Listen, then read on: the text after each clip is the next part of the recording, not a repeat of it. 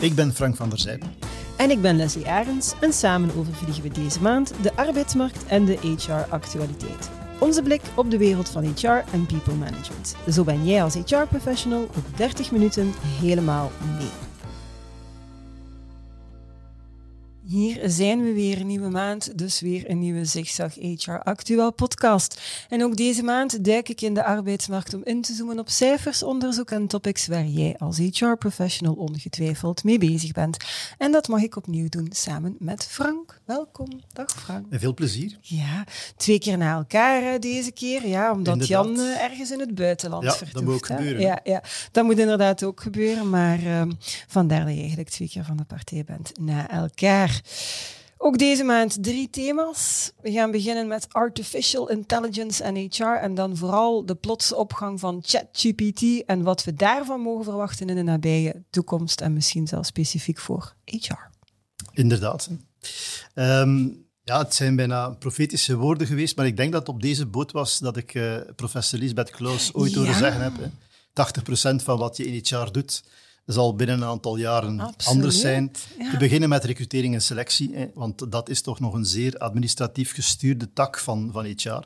En kijk, ehm, we zijn een paar jaar, la- jaren later, sorry, Mhm. en we zien dus in feite al toch die eh, artificial intelligence eh, op de voorgrond treden in een, ehm, ja, een verschijningsvorm die we dus toch daarvoor niet kenden. hè. Mhm. Want ik, eh, en jij waarschijnlijk ook, wij kenden artificial intelligence van een chatbot. Ja. Een of andere robot die dus in feite in de first line eh, van bedrijven dan antwoord op eh, Mhm. vragen van klanten brengt die ergens eh, met een vraag zitten. En dat was heel vaak ontgoochelend. Hè. Dus eh, je zei. Ja.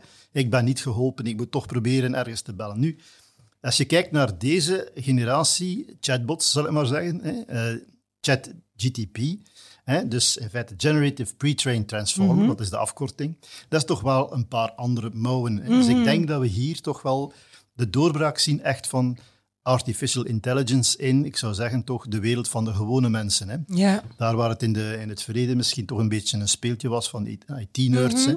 Dit is toch iets anders. En ik Ja. weet, het is nog niet perfect, verre van. Maar wat het al kan, kijkend naar tekstverwerking, antwoorden op vragen, dat is toch wel, eh, dat is toch wel vrij, vrij sterk, vind ik. Hè. Mhm. Meer dan 100 miljoen gebruikers, Leslie, op, min, op een paar maanden tijd. Dat is belachelijk, hè? Ja. Eh, dit is of wordt omschreven als het iPhone-moment voor de AI-technology. Mhm. En ik denk inderdaad dat we met deze toepassing, en er zullen er nog andere komen, absoluut zeker, en er zullen nog veel verbeterde versies komen nu, maar we zijn de hype voorbij. ja. Dit is volgens mij een trend. Mhm. En wat de impact daarvan is op HR, eh, uiteraard, hè, gaat dat ook in bepaalde HR-jobs eh, impact hebben. Ehm, en ook in recrutering en selectie. Kijk maar hoe een vacature wordt opgesteld. Eh, daar zal heel snel ook hulp worden ingeroepen van dit soort Mhm. media. En dus ik denk niet dat dit, voor alle duidelijkheid, dat dit jobs gaat kosten. Ik denk dat, ik geloof dat niet. Eh, Dat hebben we al verschillende keren meegemaakt, dat er zoiets komt en dat men zegt, ja, en nu is het gedaan met, Mhm. eh, te beginnen met in een tijd de, kar- de cartoonarbeiders die zich verzetten tegen de weefmachines. Ja. Eh, en dus enzovoort enzovoort. Eh, dit gaat geen jobs kosten. Ik geloof dat niet. Dit gaat wel jobs veranderen. Dit gaat werk enorm veranderen. Dit gaat inhoud van jobs veranderen. En dus ik blijf optimistisch daarover. Dat wil zeggen dat dit een aantal dingen die misschien ja, eerder saai, repetitief soms zijn, gewoon gaan overnemen. En uiteraard ga je het resultaat van, van die chatbot nog altijd een keer moeten nalezen. Ja, ja. Dat moet je ook doen met een vertaling. Maar eh, en daar eventueel een persoonlijke toets aan geven. Maar ik denk toch dat dit ons gaat helpen in een aantal zaken om dit productiever te laten gebeuren. Mhm. Dat is mijn hoop, maar tegelijkertijd ook mijn geloof in die dingen. Zijn er vandaag dark sides? Uiteraard. Hè. Absoluut, Eh, ook bij ja. ChatGPT. Mhm. Eh, ja, inderdaad krijg je geen bronnen. Hè. Men gaat u niet zeggen waar die informatie vandaan komt. Auteursrechten, dat is een probleem, Ja. want degene die dat voortgebracht heeft, die wordt daar niet in erkend. Is dat een stuk gebiased? Uiteraard wel. Maar dat heeft te maken met wat je erin steekt. Hè. Ik zeg Mhm. Ja. altijd garbage in, garbage out. Als wij dat laden met foutieve informatie of gebiased informatie, dan krijgt je dat er ook uit. Mhm. Eh, Oké, ChatGPT is enkel met informatie, eh, ik zou zeggen, opgeladen tot eind 2021. Maar dat is een kwestie van tijd. Hè. En dus uh, ja, er is een gebrek aan metacognitie. Dus mm ChatGPT stelt zich zeer zelfzeker op over zijn antwoorden. Ik vind het heel boeiend om daar een keer mee te spelen. Moet dat zeker doen. Als je dat nog niet gedaan hebt, dan moet je er vragen aan stellen. Ik sta er effectief voor het werk. Ik heb er nog niet mee gespeeld. Leuk, ik dat misschien een keer doen. Ik heb mezelf ingetypt en kijk van wie is Frank van der Zijp en wat doet hij. En oh, het is toch wel verrassend dat daar dingen uitkomen die behoorlijk juist zijn. Uh, behalve mijn diploma, dat was niet juist. En op basis van wat halen ze? Ja, Wel, ik heb geen idee Het is inderdaad het is een black box, hè, waar dat, die, die, uh, dat algoritme zijn informatie haalt. Maar uh, zelfs uh, dat soort dingen kwam daar eigenlijk zeer goed uit. Hè. Ik, ik, was daar toch wel van verrast hè, dat het ook dat aan kan. Dus ja, er zijn dingen die kunnen verbeteren. Mm er zijn ook al challengers, hè, uiteraard. Hè. Dus ja. Ping, er is... Uh, zou beter zijn, hè? Zou beter zijn. Er is ook BART, hè, een andere. Mhm. Dus uiteraard gaan daar nu heel snel verbeterde mm versies van komen. En ik zou zeggen, het partijtje snelschaken is begonnen om dus, uh, wie dat de winnaar wordt, dat weet ik niet. Hè. Mhm. Hoe mogelijk dat dat niet ChatGPT zal mhm. zijn. Maar ik denk dat die race is ingezet en dat we daar nu echt wel, uh, toch wel ja, dingen gaan van zien verschijnen die behoorlijk indrukwekkend zijn. Nog indrukwekkender dan wat er nu al uh, te zien is. En dus ehm, wie dat de winnaar wordt, ik weet het niet, maar ik denk dat er een, een trend is ingezet dat wij gaan werken met AI.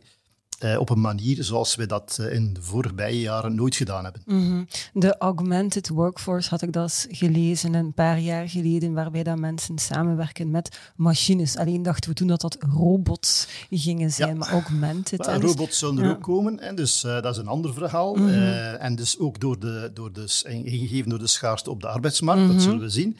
Ik was onlangs in een, eh, en dat, ik was toch wel van verrast, in een restaurant. Uh, geen, geen chic restaurant, een, een, restaurant waar pendelaars regelmatig komen eten. Mhm. En dus daar werd er afgeruimd door een robot, hè. dus met behulp van de robot. Ja, maar dat gaat toch traag. Ik heb dat ook al gezien. Dat ding gaat traag. combinatie robot-mens. Ja, Dus de robot die de schotels, eh, de mens die de schotels afruimt, de robot die de schotels aanneemt en dus vervoert. Ja. Op het moment dat de robot vol is, komt er een andere. Dus in die zin, ja, die samenwerking is natuurlijk wel mm interessant. Hè? En dus dat zal ook zo blijven met AI, want ik denk, ja, teksten zult ze nog altijd nalezen. Maar eh, vooral het onderwijs staat ook voor grote uitdagingen daarmee. Want studenten hebben dat ook al ontdekt, dat ze daar heel gemakkelijk dingen kunnen laten doordoen. Mm En van een behoorlijke kwaliteit blijkt toch wel uit Amerika, dat, waar dat onder andere men dus uh, ChatGPT heeft uh, onderworpen aan een test uh, voor een, het examen van jurist. En? En hij was geslaagd. het was niet, het was niet met onderscheiding, mm maar hij was wel geslaagd. Dat is voldoende. Dus dat wil zeggen, dat zit, daar zit toch wel ja, heel wat materiaal in. Er zitten toch wel wat mogelijkheden in. En ja. laat ons vooral kijken naar de mogelijkheden, hè, want beperkingen zullen er ook zijn. Ik zeg, dark sides zijn er ook. Maar ik kijk toch liever naar de mogelijkheden en, wat dit kan betekenen in de toekomst. Ja, alright. Voor het tweede thema van de maand gaan we naar eh, de zorgsector en de schaarste, waar ze daarmee worstelen. Ja, inderdaad. En de directe aanleiding, ja, de zorg, dat weten we al, dat is een open deur in stampen. Als we mhm. zeggen de zorg is de sector bij uitstek waar we vandaag toch wel zien hoe krap de arbeidsmarkt is. Waar het mij vooral om gaat om dit op, uh, op uh, de lijst te zetten van de drie thema's, is de mhm. aanleiding van het feit dat ja, een aantal zorgkundigen vandaag gewoon ontslag nemen en beter betaald terugkeren via interim of ja, als zelfstandig. Ja, ja. En de reactie daarop van eh, de Vlaamse regering om te zeggen van we gaan die niet toelaten, of we gaan die niet subsidiëren. Kijk, dat vind ik eigenlijk wel erg. Hè. Uiteraard kun je zeggen van ja, maar ja, als iedereen dat begint te doen, ja, oké, dat betekent inderdaad dat daar toch een markt voor is. Mhm. En de vraag is of dat, dat niet een deel van de oplossing kan zijn. Hè. Mhm. Ehm, uiteraard, dat beroep, we weten al een paar een tijdje, er zijn nu 7000 openstaande vacatures in de zorg. Um, er is, is, een enorm effect van, van vervanging en groei aanwervingen tegelijkertijd. En dus, uh, ja, er is uh, de witte woede. Hè. Die mensen, dat waren de helden van de pandemie. En die worden nu terug ergens in die kou gezet. Men ziet dat ze heel vaak uh, onderbezet zijn, dat ze heel uh, zwaar uh, ja, belast worden. Mm -hmm. um, gefrustreerd zijn door, door, de complexiteit van de bureaucratie die er rondhangt. in een heel moeilijke job zitten, die emotioneel belastend is. Absoluut. Als je kijkt naar Karasek, taakeisen, ja. weinig regelcapaciteit. Wat doen we daarmee? Hè? En dus ik denk dat het hoog tijd is om daar een keer serieuze staten-generaal rond te doen. Hoe gaan we dat probleem hier aanpakken? Mm Er zijn waarschijnlijk verschillende... Het zal een, een, een myriade zijn van oplossingen. Het zal niet één oplossing zijn. Het zal misschien op te lossen zijn een deel door selectieve migratie, waar het nog kan. We hebben dat nog gedaan in het verleden. Mm -hmm. Misschien een deel met freelancers, ja, waarom niet? Hè? Ja. En misschien met inderdaad zijnstromers uit vandaag de niet-actieve bevolking, al Ja. is het maar voor een aantal uren per week, die in feite bepaalde zorgtaken zouden kunnen overnemen, Mhm. als men maar een beetje soepel is naar wat mogen zij doen en wat kunnen zij niet doen. Vandaag mogen ze heel weinig. Ja, klopt. In mijn ogen veel te ja. weinig. Ja. En dus we gaan daar toch, denk ik, op de kortste termijn een keer een punt moeten van maken. Want eh, die mensen hebben tot nu toe eh, heel weinig verloop vertoond naar andere sectoren. Die zijn vrij honkvast. Die blijven heel vaak in die zorgsector. Eventueel als beter betaalde zelfstandigen, maar dan nog. Hè. En we moeten gewoon opletten dat we dus niet het, het leven voor hen zo onleefbaar maken dat we krijgen wat we in de horeca gezien hebben tijdens de pandemie. En dat, Ja. dat is, eh, als we spreken over de Great Resignation, Dat dan blijkt uit de cijfers ja. dat we daar hebben het gehad. Hè. Mensen die vrijwillig een job opgezegd hebben in de horeca om ergens anders te gaan werken en niet meer teruggekeerd zijn. Als dit ons zou overkomen in de zorg, dan hebben we een ander probleem. Hè. En dus daar moeten we toch wel voldoende aandacht aan schenken. En ik vind het eigenlijk ook zeer erg dat wij dan zeggen dat wij toch een welvaartsmaatschappij zijn. En Ja. dat zijn we in mijn, in mijn ogen nog altijd, voor alle duidelijkheid. Maar dat we niet zouden kunnen instaan voor de zorg van de meest kwetsbaren in de samenleving, namelijk zieke mensen en ouderen. Dat zou toch wel zeer Mhm. Ja. erg zijn. Met alle gevolgen van dien, want dat betekent als die zorg er dan niet meer is, dat die zorg door familieleden moet gebeuren, die dan op die krappe arbeidsmarkt minder of niet meer kunnen gaan werken. En Ja. ik, ik denk dat we ons ook moeten eh, voorbereiden op het feit ja, dat, dat die zorg voor een stuk misschien duurder zal worden. Hè. Mhm. En dus inderdaad, als die mensen dan te weinig verdienen in die sector en als we ze weer moeten gaan betalen. Ja, je hebt het ook gehoord, denk ik, op het congres van Federgon. Mhm. En Joko Droom van Next eh, Gen, die zei van ja, maar dit, alles wordt duurder. Ja, mandjes Dus, kapot. hè, ook dit, ook dit zal dus misschien duurder worden. Absoluut. Maar dan beter dit dan eh, dit volledig te gaan eh, laten uiteen rafelen en verbrokkelen, zodanig dat we dus in feite in een situatie komen dat we niet meer voor ons mensen kunnen, Kunnen zorgen, Die, het nood, die het nodig hebben. Dat zou toch zeer erg zijn. In de wetenschap dat er ook steeds meer Dus, gaan eh, worden. Hè? Ja. Dus hier een laissez-faire, laissez-passer politiek voeren, vind ik. En zeker geen politiek van eh, prematuur denken aan nee, we gaan niet meer zelfstandig werken en geen Mhm. freelancers, terwijl we zien dat in veel sectoren dat vandaag deel van de oplossing is. Absoluut. Ja. Dus vandaar heb ik dat ook eh, daarop gezet, omdat ik vond dat we dat een keer in de schijnwerpers mochten zetten. Mhm. Zeer zeker, daar zeer moeten over nadenken. terecht. Ja. Ja. Derde thema dan, daarvoor bouw je verder op een recent onderzoek van, eh, van Randstad. Hè. Kan je ook professionele vaardigheden ontwikkelen door te gamen? Hoe bruikbaar is gaming in recrutering Nou ja, en selectie eh, Jan is hier niet, dus zal ik, hem- Ja. zal ik maar overnemen. Hè. Mhm. Ja, maar ik vond het wel eh, interessant, dat onderzoek van Randstad, dat zei van ja, heel veel mensen doen aan gamen. Hè. Mhm. En kun je nu via die gaming iets zeggen over de ontwikkeling van competenties die ook interessant zijn of nuttig zijn voor in feite eh, de werkvloer? Mhm. En men citeert dan zaken zoals leiderschap, teamwork, communicatie, kritisch denken, visuele waarneming, multitasking, doorzettingsvermogen enzovoort. Besluitvaardigheid, of van alles. hè. Dus dat, dat lijkt mij wel interessant om, om inderdaad, als dat zo zou zijn, om daar iets mee te doen. Nu, ehm, ik heb mijn oor een keer te luisteren gelegd natuurlijk bij, bij een aantal academici, want eh, dat vind ik altijd interessant. Wat vinden jullie daarvan? En inderdaad, er zijn twee soorten van games. Er zijn uiteraard de games die vandaag gebruikt worden voor het aanleren van competenties. En die in feite ja, in een blended learning formule Ja. aangeboden worden. En die zijn eigenlijk wel voorzien op het gaan toetsen van competenties, zoals die, die daar opgenoemd worden. En dan heb je games die ontwikkeld zijn voor ontspanning. En het gaat over deze games Ja. natuurlijk. Hè.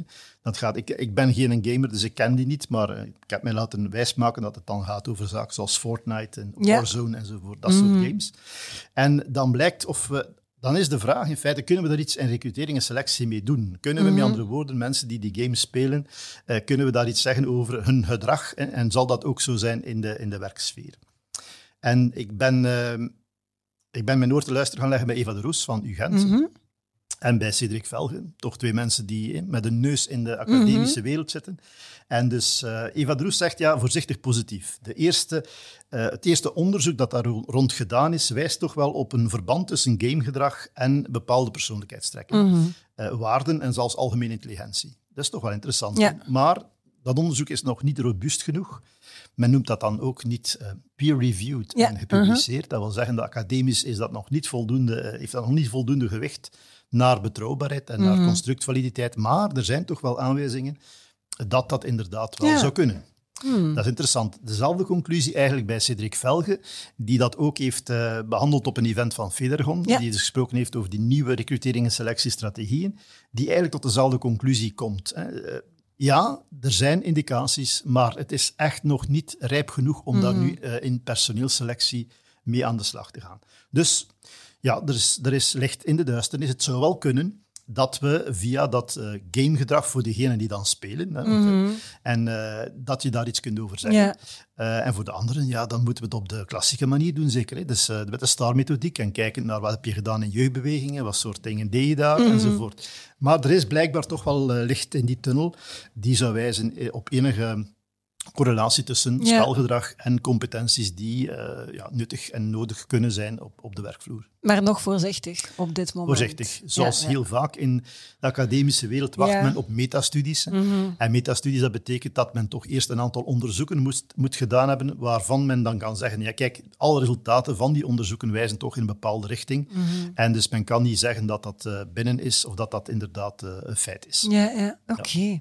Goed, dat ehm, brengt ons dan denk ik bij het cijfer van de maand. Welk cijfer is dat deze keer? Ja, eh, het cijfer van de maand komt eh, uit, eigen, eh, uit eigen nest, zou ik zeggen. Dat is het cijfer dat wij gepubliceerd hebben eh, afgelopen maand rond de, de, de, stijging van de effectieve uurloonkost in 2022. Mhm. En dus een gepresteerd uur in 2022 in België kostte plus 7,9 procent ten opzichte van het jaar ervoor. ja. Dat is een fameuze stijging. Dan kun je zeggen, is dat een verrassing? Nee, dat is geen verrassing. Dat is eigenlijk geen verrassing, omdat we weten ook dat door de inflatie en de eraan gekoppelde index dat de lonen ook gestegen zijn. Eh, maar we moeten wel opletten, er zijn eigenlijk twee effecten die daar spelen. We spreken over een gepresteerd uur ten opzichte van een betaald uur. Ja, de betaalde uren, uiteraard, de betaalde uren zijn duurder geworden door inflatie en index. Gepresteerde uren, die zijn ook duurder geworden, in zoverre dat die ook allemaal zouden gepresteerd zijn.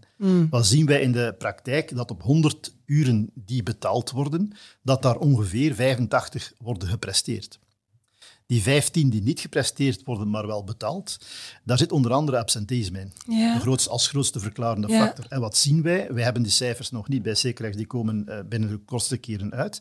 Maar uit cijf- cijfers die al circuleren, zien we dat in 2022, jaar na de crisis, na de pandemie, de mensen zijn terug gaan werken, niet meer thuiswerken of veel minder, dat het kort absenteïsme gestegen is. En dat is een bijkomende factor om dus dat de prijs of de, de kost per gepresteerd uur te doen stijgen. Want dat wil zeggen dat er terug meer uren betaald zijn die niet gepresteerd ja. En dat dubbele effect, dat onderschatten we heel vaak. Er is een, er is een inflatoire effect, index, Mhm. maar er is ook een effect van gewaarborgd loon, kort absenteïsme. Dus eh, waarschuwing hier, houd uw kort absenteïsme goed in de gaten, want dit Ja. zou een bijkomende factor zijn om uw uurloonkost te zien stijgen. Ja, ja. Ook al is die gestegen met de inflatieindex, en nog een keer te zien stijgen door het feit dat die uren niet gepresteerd worden, maar wel moeten betaald worden en dikwijls nog moeten vervangen worden door iemand anders. Dat is dubbel, Dus dubbel. Dus kosten, ja. we zouden daar toch heel sterk moeten eh, blijven naar kijken. Zeker nu dat we zien uit eerste cijfers dat, dat kort absentisme de neiging heeft om terug te gaan stijgen, wat ergens normaal is na de pandemie. Mensen hebben thuisgewerkt, voelden zich niet altijd goed, maar bleven gewoon doorwerken thuis. En nu zitten we terug heel vaak eh, voor een stuk terug op die werkvloer Ja. en krijgen we terug dat absentisme en dat kort absentisme dat dus die, voor een stuk die stijging verklaart. Ja. En is HR en zijn bedrijfsleiders daar in voldoende mate mee bezig? Houden die die cijfers zo in de gaten? Ik, ik weet dat zo eigenlijk niet. Ik, hoor, ik die gesprekken niet. In principe zouden ze dat moeten Ja, doen. ja. Dus, eh, want Maar- het is heel belangrijk gewoon al om daar aandacht aan Ja. te geven. Het gaat dus niet over het feit dat we hier eh, mensen niet toelaten om ziek te zijn. Mhm. Dus daar gaat het niet om. Hè. Het gaat dan wel, en dat zien we bij dat kort absenteïsme, het is heel vaak een indicator van ook betrokkenheid. Mhm. motivatie enzovoort. Om eh, aandacht te geven aan het feit dat wanneer de mensen ziek vallen, dat je tenminste met hen terug een kort gesprek hebt als Ja. leidinggevende. Wanneer ze terugkomen, wisten met u, zijn het beter. Ehm, en aandacht geven aan dat kort absenteïsme en aan het feit dat ze er niet geweest zijn, is wel belangrijk al en is dikwijls al genoeg om in feite mensen ja, te zeggen van ja, inderdaad, ik moet toch opletten dat ik ziek val en dat ik in afschaffen van het ziektebriefje enzovoort, dat heeft daar allemaal niets mee te maken. Als mensen ziek zijn, zijn ze ziek. Maar probeer dat toch in feite op een goede manier eh, te benutten en, eh, en, en daarover te spreken op het moment dat Ja. het gebeurt en gewoon aandacht te schenken. En elk bedrijf of elke KMO zou toch ergens op zijn dashboard dat kort absenteïsme moeten zien in termen van zoveel procent van de uren die betaald werden zitten in dat absenteïsme. Ja. Zoveel in het kort, zoveel in het middellang, zoveel in het lang. De meeste sociale secretariaten geven ook instrumenten om dat te volgen, want zij hebben al die payroll-gegevens, Ja. dus zij kunnen zeer goed zo'n dashboard aanleveren. En ze doen dat ook meestal.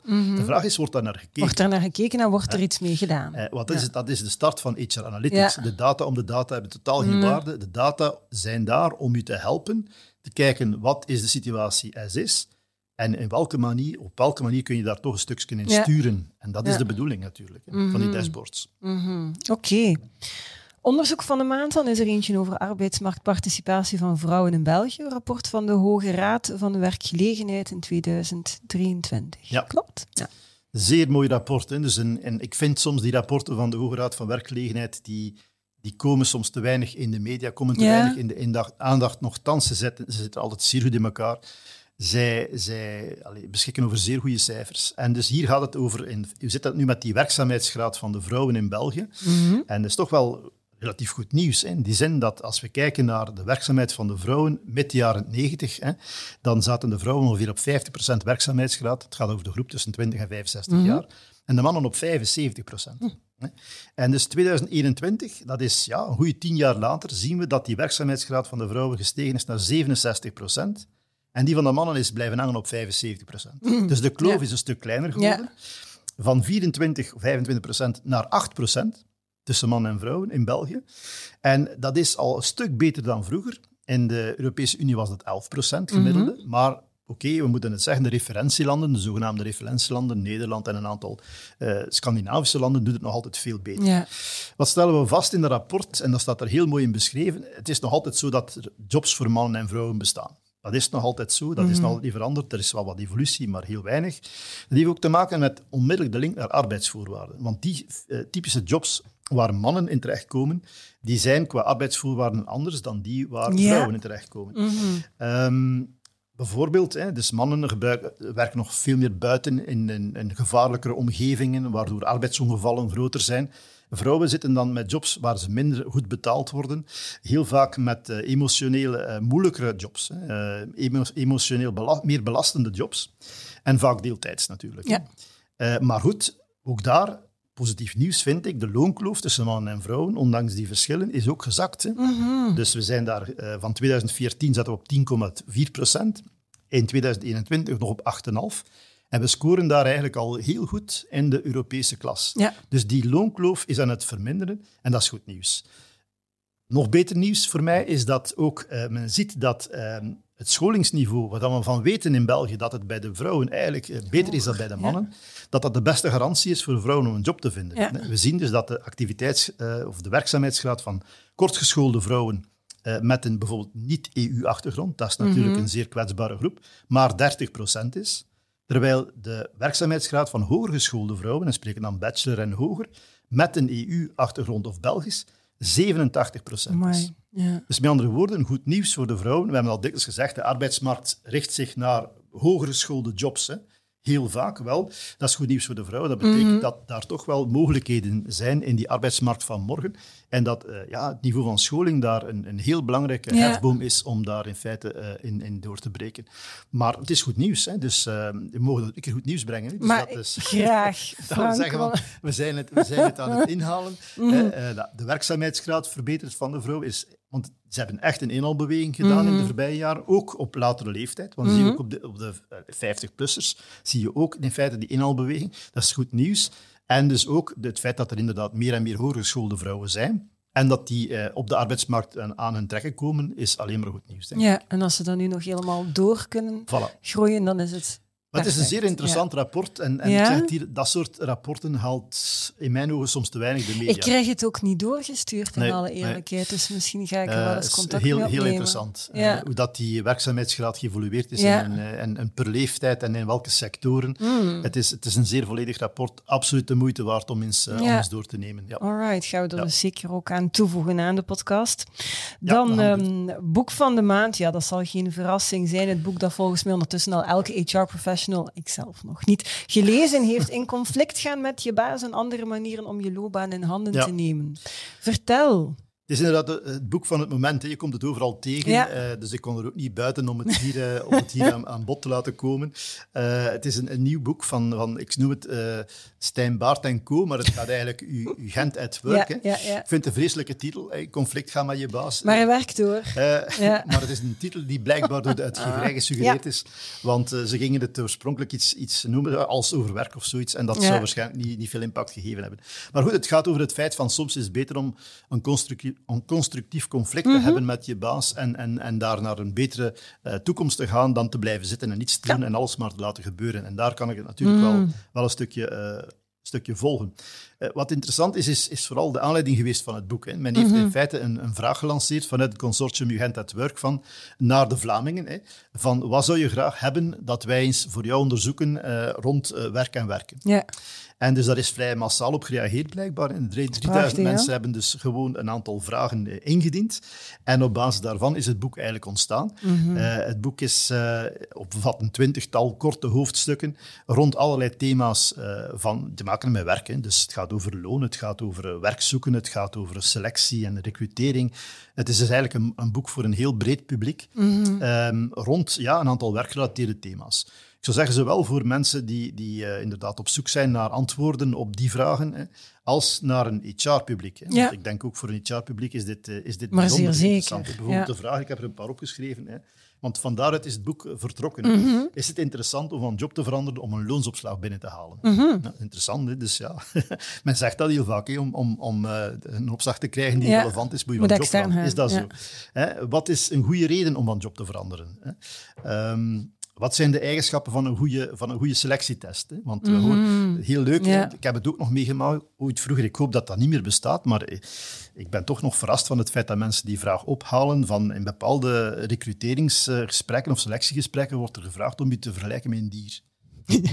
Ja, dus, hebben ze dat ooit aan u gevraagd? Ze hebben ja. dat niet aan mij gevraagd, ah. maar ze hebben mij wel ooit gevraagd om een boom te tekenen eh, of zoiets. Hè. Dus, uh, en dus ja, ja ai, dat is wel ai, leuk om, om, om een keer te lezen van wat, ja. wat is daar nu van aan en, en, en hoe, hoe, hoe, allez, hoe valide zijn zo'n dingen, wat kun je Mm -hmm. daarmee doen? Ik vind Mm -hmm. dat wel interessant, die vraag. Wanneer is, is werk werkbaar? Hè, mm. voor u. Uh, dus dat zijn een, een, paar vragen die aan bod komen. Dus ik vind het een, een, een zeer uh, interessant boek. Uh, met heel kort en to-the-point hoofdstukken.